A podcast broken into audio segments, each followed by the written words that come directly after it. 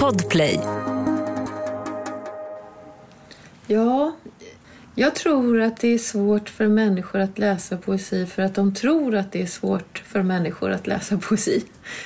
Jag tror att jag önskar att folk skulle våga vara mycket mer vårdslösa med dikterna på något sätt. Om det finns en rad som säger någonting, ta den och spring eller liksom läs in, läs in ditt eget liv, gör vad du vill. För det är också det, det är den möjlighet som dikten erbjuder.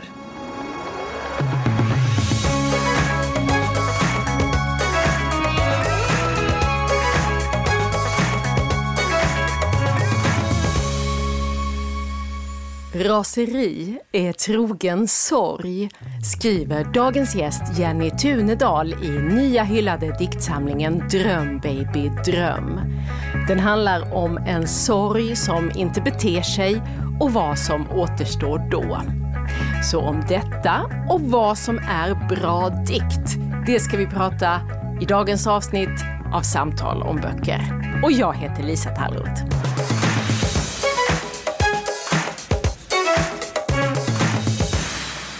Jenny Tunedal, välkommen. Tack så mycket. Vi är ju på varsitt håll i varsitt hem idag, men ser i alla fall varann.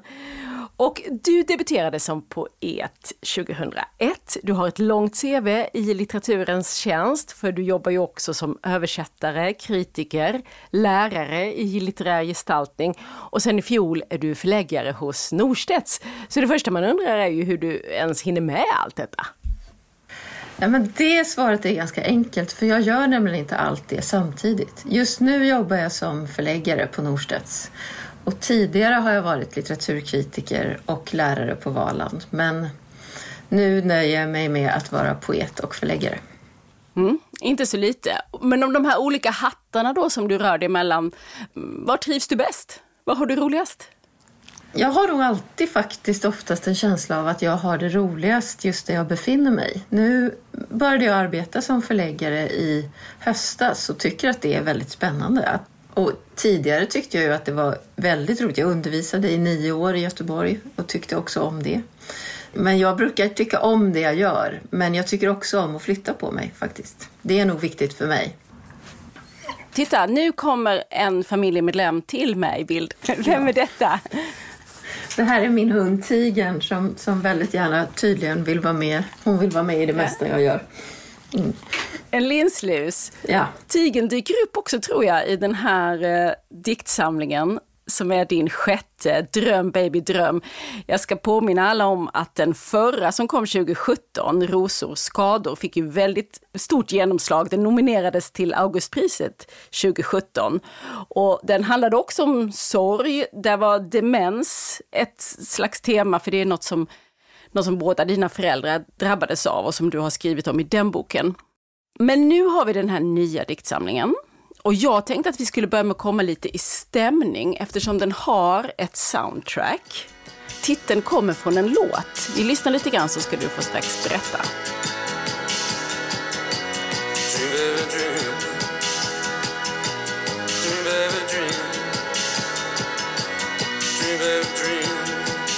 Ja, en bit från introt. Och berätta Jenny, vad, vad var det vi hörde här? Det var en låt av ett band som heter Suicide, en låt som heter Dream Baby Dream. Som jag då helt enkelt, jag har översatt titeln och tagit den som titel på min bok. Dels för att det är en låt som jag har lyssnat mycket på under arbetet med boken. Eh, men också tror jag för att det är någonting i den låten som tilltalar mig. Det här lite den torra trum Maskinsljudet som låter liksom nästan lite leksaksaktigt, lite taffligt tillsammans med någonting mycket mer smäktande. Som liksom ett pådrag som också finns i sången och sen det här att det är en det är en ganska monoton låt. Den är över sex minuter lång och den pågår lite för länge. Den upprepar sig lite för mycket. Den insisterar på någonting. Och det tror jag att jag känner igen mig i. Det är en stämning som också finns i boken. Mm. Och när vi nu är inne på stämningen i den här boken så skrev ju DN i sin recension, det var till och med rubriken, Jenny Tunedal har aldrig varit så rasande. Håller du med om det? Det håller jag faktiskt med om. Jag blev glad att den recensenten Anna Hallberg såg det, för jag tror verkligen att det är... Jag tror att det finns säkert ilska eller raseri tidigare i, mitt, i mina böcker också. Men här finns det nog på ett särskilt sätt för att raseri är en del, en ofrånkomlig del av sorgen. Och det kanske är också så att jag i den här boken ville undersöka aspekter av sorg som är svåra, som, är, som man liksom förväntas ta hand om utanför möblerade rum nästan. Som man förväntas inte dela med andra. Alltså raseriet, bitterheten, en enorm självömkan som man kan känna i sin sorg. Eh, ett sorts barnsligt raseri också som, som kan finnas i sorgen. Varför händer det här mig? Hur kan det här hända? Jag menar, vi vet alla att alltså död död och sorg kan ju komma in i människors liv på väldigt många olika sätt. Men vi har ju en tendens att känna att det är, alltid är så otroligt orättvist och orimligt. Det är orimligt att en person som är över 80 dör. Det, det går liksom inte att vänja sig vid det. Det väcker ett raseri. Så jag tror, jag tror verkligen att det finns i boken.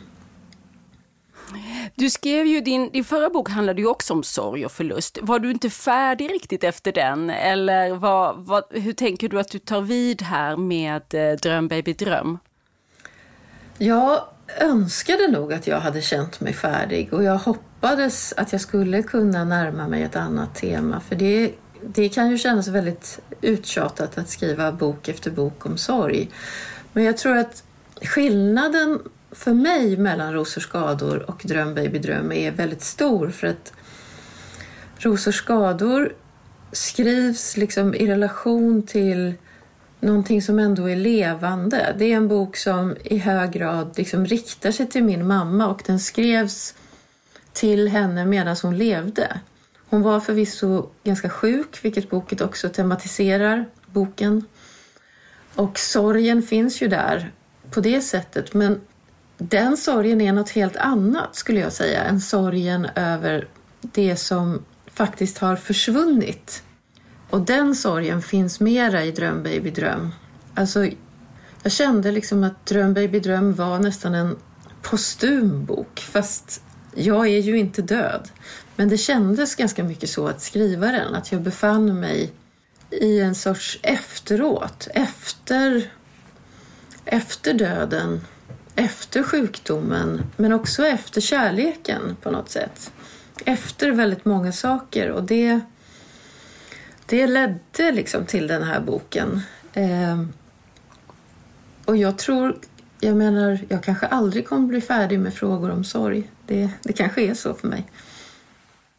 Förväntas man bli det? Man pratar ju mycket om att sorg är ett arbete, det är en process, det har stadier att du uttryckte det så att man blir färdig med sorg eller är det någonting du ändå hade räknat med att bli?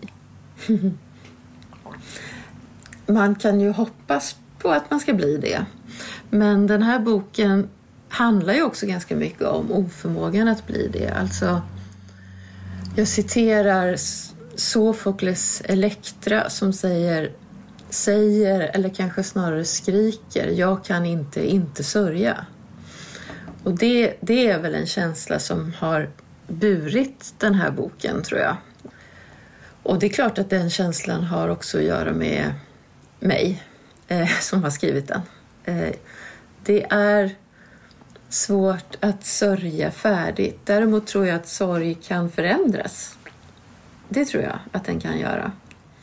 Det är klart att det är skillnad på ett akut tillstånd av sorg och den sorg som som kanske är ofrånkomlig, som man får leva med i hela livet.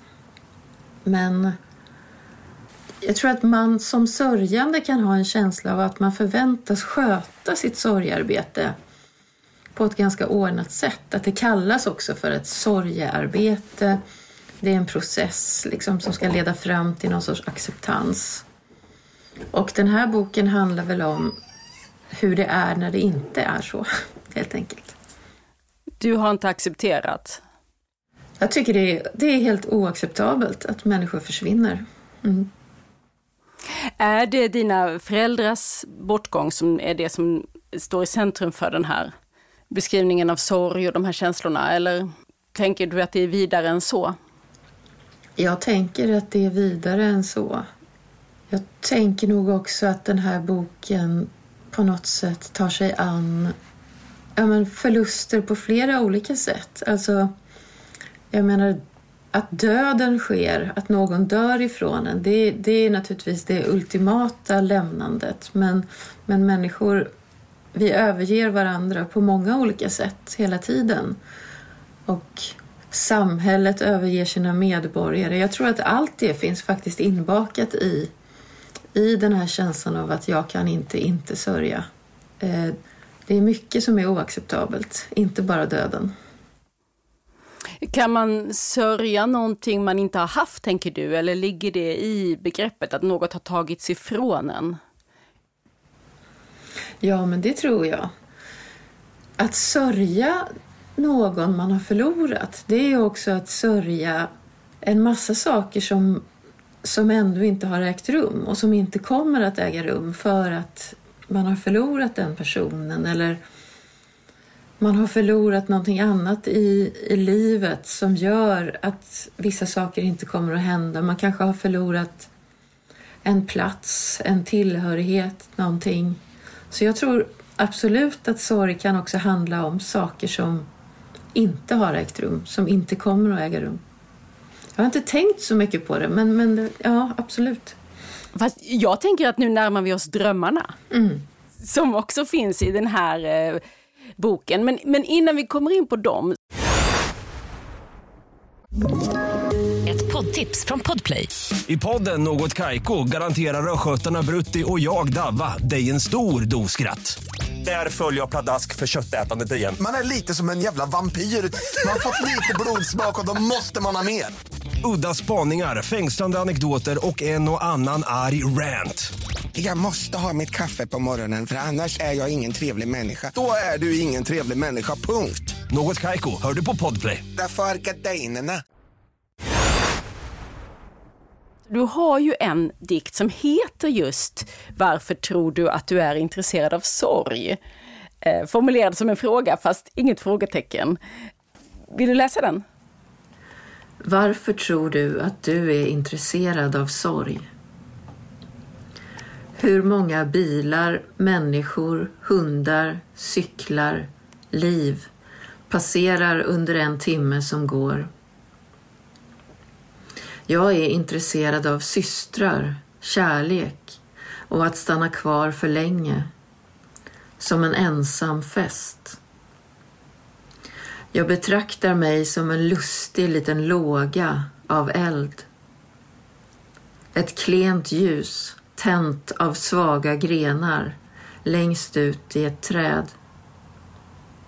En gammal filt jag fraktat över hela världen i en liten väska. En maskin som producerar vrede. Sorg är som en frimärkssamling. Den tar aldrig slut. Alla måste fråga mig om tillstånd. Ingen gör det. Hur länge har du varit så här? Hur länge har du varit barn? Hur länge har du varit utan nåd? Hur länge har du känt dig död och arg? Och en del av de här dikterna, precis som den vi hörde nu, utspelar sig ju i, som i en terapisituation. Um, så förstår jag den här mm. i alla fall. Uh, och berätta hur du tänker. Ja, men så, så är det ju. Det finns ju en del av den här boken som, som befinner sig i någonting som liknar en terapisituation där, där det ställs frågor till jaget som, som också får komma med olika typer av svar eller brist på svar eller av, avledningar från frågan. Och Jag tror att det här med frågan och svaret, det är väl... Jag tror att den här boken söker också hänvändelse på olika sätt. Den söker liksom kontakt. Och terapisituationen då med frågan och svaret, det är ett sätt där två människor kan vara i ett rum och befinna sig i en sorts förhandling om sanning eller en förhandling om eh, sorg också och kärlek och öde. Sen finns det också andra delar av boken som det finns dikter som liknar brev eller som påstår sig vara vykort. Det är som att boken på olika sätt försöker hitta ett sätt att samtala, tror jag. Ett sätt att vända sig till ett mer eller mindre frånvarande du. Det kanske är något som alla dikter gör, men den här boken har liksom gjort det också till en del av sin form. Och de här dikterna som utspelar sig i en sorts terapirum, de började jag skriva för att jag fick en fråga från en tidskrift som heter Glänta om de skulle göra ett temanummer om sanning. Och sanning och frågan om sanning, vad som är sant, har alltid intresserat mig. Så det var väl därför de tänkte på mig. Och då började jag tänka på vad är sanning och vilka förhandlingar om sanning ingår vi i våra liv? Och det gör vi ju på många olika sätt i våra relationer. Men jag tänkte också på terapirummet som en plats där man försöker tala sanning och man försöker på något sätt enas om vad sanningen är. Samtidigt som det såklart är en... Jag menar, vad är en dröm? Är en dröm sanning eller fiktion? Eh, en dröm är verkligen någonting som befinner sig mitt emellan. Det är, en dröm är en sanning som aldrig har ägt rum. Liksom. Mm. Men det jag tänkte på eh, med terapirummet är att det är en plats där man får och ska ställa frågor. För det är ju annars lite typiskt just för det här ämnet kring sorg och förlust att vi vet inte riktigt hur vi ska bete oss med varandra när man vet att någon är drabbad av en stor sorg och förlust. Jag, nu har ju den här nya Bodil Malmsten-dokumentären varit aktuell och ligger på SVT Play, K-special. Hon eh, sa någon gång att den som vill mig väl ställer inga frågor. Eh, hon kände sig väldigt ansatt och det, och det, och det tänkte jag eh, kan ju vara en lika giltig upplevelse av någonting svårt, att man vill vara i fred. Um, eller har du funderat någonting kring det där att, uh, att få frågor, att svara på frågor om den sorg som du har försökt uttrycka här nu i poesins form, som kanske inte jag vet inte, du kanske inte har vanliga svar på vanligt, vanligt eh, liksom fångade i ett vanligt samtal. Det är svårare att svara på det sättet. Så är det ju, ja precis. Det, det är ju väldigt svårt att... Jag kan förstå både Malmstens utsaga men jag tror ju att, eh, att det är skönt också att få frågor. Men det handlar väl om att i terapirummet finns det en överenskommelse om att svaren kommer att tas emot. Man har liksom den andra människan har betalt för att hantera svaren på de här frågorna. Och det har ju inte ens vänner eller ens partners eller ens familjemedlemmar. Och det gör väl, och inte ens kollegor heller, och det gör väl att kanske att terapirummet kan det är en annan sorts förhandling om sanning där också svaren kan vara exakt så svåra som de kanske är. Man, kan, man behöver inte svara nej men det går bättre nu. Man kan svara det är värre än någonsin. Ja, det känns som om min mamma dog igår och som att jag aldrig kommer att kunna stå ut med att hon inte finns längre. Det går man inte omkring och svarar i världen. Liksom. Så att, det är väl någonting med det som är väldigt speciellt med det rummet och det gör det också till ett intressant rum att iscensätta i diktens form. För jag tror att dikten vill väl också kunna komma med svåra svar. Eh, så. Mm. Mm. Men så var det drömmarna. Eh, dröm, baby, dröm heter hela diktsamlingen och jag kan ju i alla fall tänka mig minst två sätt att läsa titeln. Du kanske har ännu fler? ja, man, kan ju, man kan ju säga liksom dream on baby. Det kommer aldrig att hända. Lev du i dina drömmar. Eller så kan det vara den här väldigt eh, bejakande dröm, dröm stort, sikta mot stjärnorna, nå trädtopparna. Vad står dröm baby dröm för för dig? Ja, jag tror att dröm baby dröm för mig är ju också ett sätt att på något sätt samla ihop olika aspekter av den här boken i en titel. Jag menar, den handlar inte så mycket om den typen av drömmar som låten handlar om. Den handlar inte om håll dina drömmar levande, tror jag, utan den handlar snarare om att drömmarna är levande, de är ofrånkomliga och de finns i den här boken, de finns i våra liv. Ja, det, jag tror att jag hamnar någonstans mittemellan. Liksom. Dröm, för du kan inte göra något annat än att drömma. Du kommer att drömma när du går och lägger dig. Så dröm baby. Eh, mm. Men det kanske också handlar om... Jag menar, han sjunger om att hålla lågan brinnande eller att hålla elden brinnande. Och det jag tycker att det finns någonting vackert i den sången, i hans tonfall i relation till det, för han låter inte så hoppfull. Och i den här boken så är nog också sorgen någonting som brinner, faktiskt. En dröm som hålls levande på något sätt. En låga som fortsätter brinna.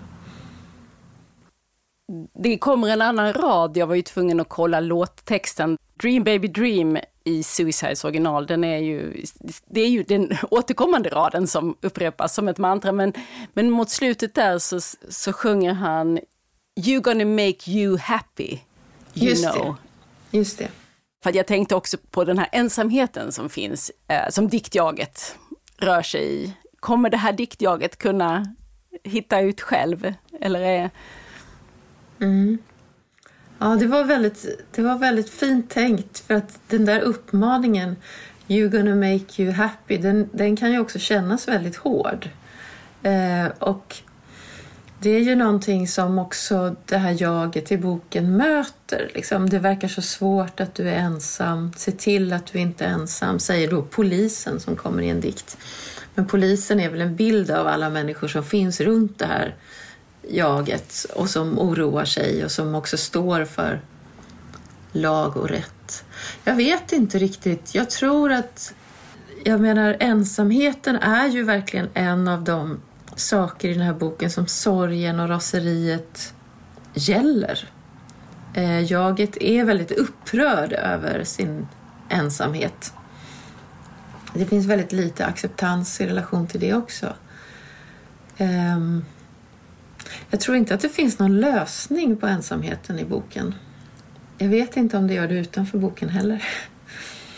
Men hur ska man alls se på den? Hur ser du på ensamhet? Är det, man kan ju tänka å ena sidan att det är existensens grundvillkor. Vi är ensamma. Vi föds ensamma, vi dör ensamma. Det här är ju en bild som, vi, som fler har gett uttryck för. Eller är det ett misstag att vara ensam? Är det liksom en anomali när man känner ensamhet? Då kan man ju bli förbannad. Mm. Om det är så, då är det ju något som har gått, något som är fel. Jag tror att, jag tror ju att vi föds och dör ensamma, ja. Men jag tror att det finns normer för hur man ska leva där ensamhet betraktas som en anomali och som ett misstag. Eh, och där det är liksom ett nederlag att inte ingå i en stabil konstruktion, kanske idealt en kärnfamilj men åtminstone någon annan typ av stadig konstruktion i livet. Och det kan ju vara tungt för den som är ensam att bära. Eh, att man ska inte bara bära ensamheten utan också den här bilden av ensamhet. Sen, ja, ja det är en stor och svår fråga känner jag nu men jag tänkte också på att delar av den här boken skrev jag också under den här beramade pandemin. Och det var ju en särskild tid för människor som lever ensamma, som bor ensamma och så vidare. Det var liksom att staten plötsligt gick ut och sa ni ska umgås i era familjer. Eh, och det gjorde ju ändå någonting med upplevelsen av ensamhet, att den också på något sätt var ett problem i relation till Folkhälsomyndigheten. Eh, hade man ingen familj att umgås i, vad skulle man göra då? Så en, ensamhet är ju många saker. Det är ett grundtillstånd för alla, men det är också en realitet som visar sig på en mängd olika sätt i, i det praktiska livet. Tänker du att du i ditt skrivande besvärjer detta eller bekräftar? Jag tror att jag har ägnat mig åt att besvärja faktiskt ganska mycket i mina böcker. Att jag har skrivit om ensamhet som ett för att jag också har fasat för ensamheten. Och det tror jag inte att jag gör lika mycket längre. Så jag tror att det finns någonting mer bejakande nu än det gjorde till exempel i min andra bok, Eh, kapitel 1, som också undersöker ensamhet på något sätt som fenomen, men, men mycket mera som ett hot, faktiskt. Hotet om ensamhet. Dröm baby dröm befinner sig i en ensamhet som just är en realitet. Poddtips från Podplay. I podden Något Kaiko garanterar östgötarna Brutti och jag, Davva, dig en stor dos skratt. Där följer jag pladask för köttätandet igen. Man är lite som en jävla vampyr. Man har fått lite blodsmak och då måste man ha mer. Udda spaningar, fängslande anekdoter och en och annan arg rant. Jag måste ha mitt kaffe på morgonen för annars är jag ingen trevlig människa. Då är du ingen trevlig människa, punkt. Något Kaiko, hör du på Podplay. Därför är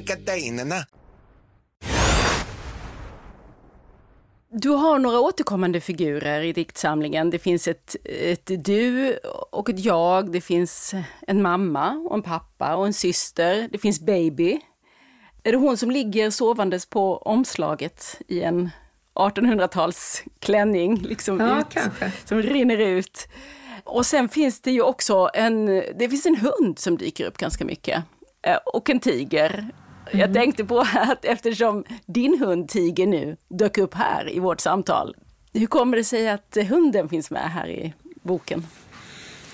Ja, men hunden eh, trängde sig väl in i boken. Jag, jag är ju en människa som är väldigt förtjust i hundar och som har levt med hundar hela mitt vuxna liv. Eh, och hunden är inskriven som någonting som jag, som jag tycker om och som jag känner liksom en stark kärlek till. Men hunden är kanske också inskriven som som någonting som står för liksom det låga, det man har skaffat sig på andra sätt. Man skaffar sig sällskap genom att skaffa en hund. Eh, det betraktas ju ofta som en sorts substitut. Ett underligt kärleksobjekt som man också äger. Jag tänker att hunden är också där som en dimension av dödligheten. Att leva med hundar är också att leva med... Jag tror att det står någonting... Barn ska begrava, hundar ska begravas. Alltså att i idén om barn finns det ju inskrivet att de ska begrava sina föräldrar. Om man är någon som lever med hundar så finns det nästan inskrivet i relationen att man är den som ska begrava hunden. Det var väl också något jag ville tänka över. Ehm, men jag tror att den här boken är också, eh, vad ska jag säga? Jag har dock unnat mig på något nytt sätt att skriva in mer av mig själv än i mina tidigare böcker. Och hundens existens i boken har nog med det att göra. Jag har alltid känt att, att jag är som jag är, men min dikt kan vara någonting annat. Att jag vill att dikten ska vara lite befriad från mig. Och så är det inte riktigt på samma sätt i den här boken. Jag ville plötsligt, jag kände plötsligt att jag behövde också få finnas i dikten faktiskt. Eh, dikten blev en plats som jag behövde finnas till på. Med allt vad det innebär av att skriva in en hund och att skriva in Bredäng där jag bor och sånt. Mm. Och händer det någonting med den här sorgen som du då också bär på och eh, verkar ha lite olika förhållanden till. Händer det någonting med den av, av den här boken eller efter den här boken genom, det är många, flera år du, du har skrivit på den men men jag, ja, ja, jag tror att en, en bok ändå kan fungera som en sorts container där man placerar vissa saker. Eh, och att, jag menar, att skriva är ju hela tiden att placera saker utanför sig själv och kunna titta på dem eh, i form av språk, i form av någonting yttre. Att skriva ner en dröm eller en påhittad dröm, det är liksom att kunna titta på den och också känna hur faktiskt hur det tittar tillbaka på en på något sätt. Eh, det låter kanske konstigt, men jag kan ha en känsla av det. att Jag tittar på boken och den tittar tillbaka på mig. och Det gör ju det gör helt klart någonting med känslorna som, som jag har använt i skrivandet. Jag vet inte riktigt vad, men att skriva färdigt en bok, för mig i alla fall, det handlar ju också om att vara girig efter poesin, efter att det ska bli bra dikt. Eh, och det innebär ju att man tittar på sin text och det man har lagt av sig själv med en lite coolare, kallare blick. Och det påverkar definitivt eh, känslorna. Det är ganska skönt. Det måste bli bra dikt, sa du. Ehm, så ehm, vad är bra dikt, tycker du? Jag tror att bra dikt för mig, det kan handla om det kan handla om rytm till exempel. Eh, nu är inte jag en utpräglat rytmisk poet men det kan finnas en sån känsla. Men det handlar också om Bra dikt för mig, det är liksom en händelse. Att det händer någonting i språket som kanske inte... Man behöver inte veta exakt vad dikten handlar om. Man behöver inte ha så mycket förförståelse utan någonting äger liksom rum i själva dikten, i språket. Det är väldigt svårt att förklara men det kanske är, jag menar, en låt är en händelse. Man lyssnar på en låt och man är liksom med om den låten. Och jag tycker nog att bra dikt fungerar lite på samma sätt. Man upplever någonting, det händer något mellan raderna. Det finns så mycket i språket som är Alltså i helt vanliga, jag jobbar ju väldigt mycket med liksom slitna enkla fraser men de är liksom fulla av glans och stoff och möjlighet tycker jag. Och bra dikt handlar väl om att, att plocka fram det här, det här som glittrar i, i det helt vanliga språket. Jag tänker att du eh, jobbar mycket med att föra ihop eh, element som vi inte har sett tillsammans tidigare. Och det är ju som till exempel det vi hörde i dikten tidigare, att när du kallar sorg för en frimärkssamling som aldrig tar slut. Precis. Och det är nog det jag menar när jag säger händelse. Alltså någonting som är någon form av överraskning. Ja. Jag skulle vilja be dig avsluta med att läsa den sista dikten i eh, boken. Ja, det här är ju den sista dikten och det är titeldikten. Jag tror jag skrev den ganska tidigt. Men jag valde att placera den sist för att jag kände ändå att den... Vad ska jag säga? På, på något konstigt sätt så är det som att hela den här boken är ett stort arbete med att försöka komma någon vart. Och sen landar den ändå i något väldigt litet som ryms i den här dikten. Dröm baby, dröm. I mörkret syns ingen. Inte ord, inga djur. Rosen är i mörkret. Var är du, min mor och far? Var är du, min älskling? Det är hela drömmen. Det här var titeldikten i samlingen Dröm baby dröm. Stort tack Jenny Tunedal för att jag fick prata med dig. Tack så mycket.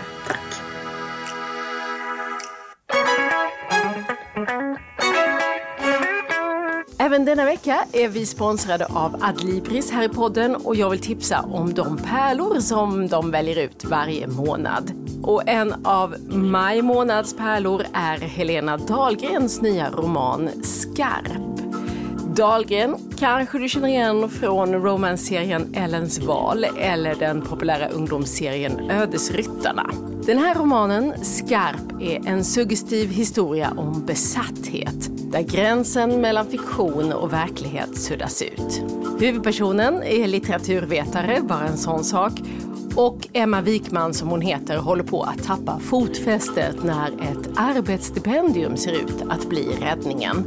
Hon ska få bo på den Norrbottens gård där hennes favoritförfattare Beata Skarp levde, men också dog under mystiska omständigheter i slutet av 90-talet. Och ju mer hon tar reda på om denna Skarps sista tid i livet, desto mer luckras gränsen mellan henne själv och författaren upp. Skarp är titeln och alltså en av maj månads pärlor med kampanjpris hela månaden ut. Tack Adlibris!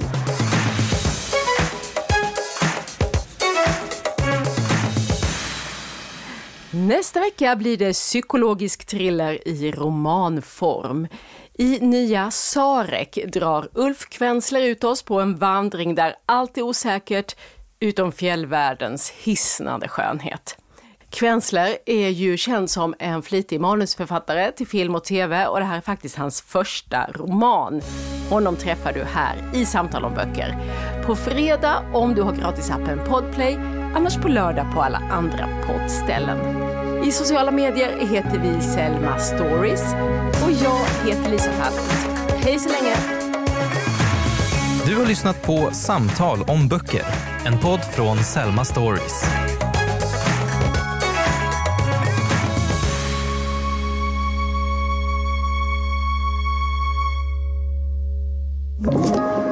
Podplay. Poddtips från Podplay. I fallen jag aldrig glömmer djupdyker Hasse Aro i arbetet bakom några av Sveriges mest uppseendeväckande brottsutredningar. Går vi in med hemlig telefonavlyssning och, och då upplever vi att vi får en total förändring av hans beteende. Vad är det som händer nu? Vem är det som läcker? Och så säger han att jag är kriminell, jag har varit kriminell i hela mitt liv men att mörda ett barn, där går min gräns. Nya säsongen av Fallen jag aldrig glömmer på Podplay.